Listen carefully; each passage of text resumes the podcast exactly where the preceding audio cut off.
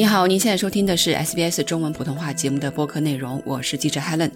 周六的台湾选举引发全球瞩目，在周六晚间，台湾的执政党民进党宣布胜选，候选人赖清德当选总统，但民进党失去了对立法会的控制权。今天我就来快速更新这一消息。台湾选民将执政党民进党的总统候选人赖清德推上了权力的宝座，这抵制住了来自中国的压力，因为中国此前不断表示不会放弃实现两岸统一的努力。民进党主张台湾的独立身份，反对中国的领土主张。该党将进入连续第三个四年任期，这在台湾目前的选举制度下是前所未有的。然而，在执政八年后，由于民众对高房价和工资停滞不前等国内问题的不满，民进党失去了立法会的多数席位，使赖清德在通过立法方面的工作变得更加困难。赖清德只赢得了百分之四十的选票，不像现任总统蔡英文四年前以超过百分之五十的选票压倒性优势获得连任。中国将此次选举视为战争与和平之间的抉择，中国正在加紧施压，要求台湾接受其主权统一。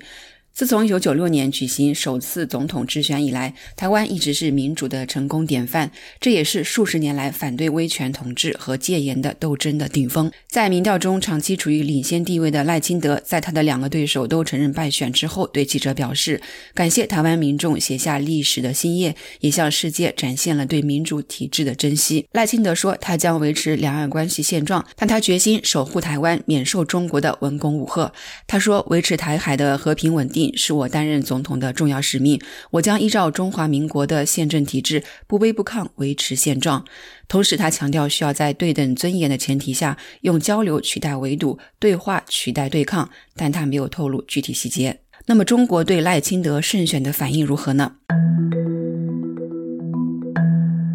在选举前夕，中国谴责赖清德是危险的分裂分子，呼吁台湾人民做出正确的选择，同时指出民进党台独路线的极端危害性。中国国台办在对赖清德当选的回应中语气温和，没有提及其名字。中国国台办发言人陈斌华指出，选举结果显示，民进党并不能代表岛内主流民意。陈斌华说：“大陆解决台湾问题、完成国家统一的立场一以贯之，意志坚若磐石。”不过，他还补充说，中国将与台湾的有关政党、团体和各界人士一道，促进两岸合作交流，深化两岸融合发展，共同弘扬中华文化，推动两岸关系和平发展，推进祖国统一大业。关于台湾选举的更多分析和报道，请您继续关注 SBS 中文普通话节目的报道。欢迎您在苹果播客或 Spotify 订阅 SBS 的中文播客内容。我是记者 Helen，感谢您的收听。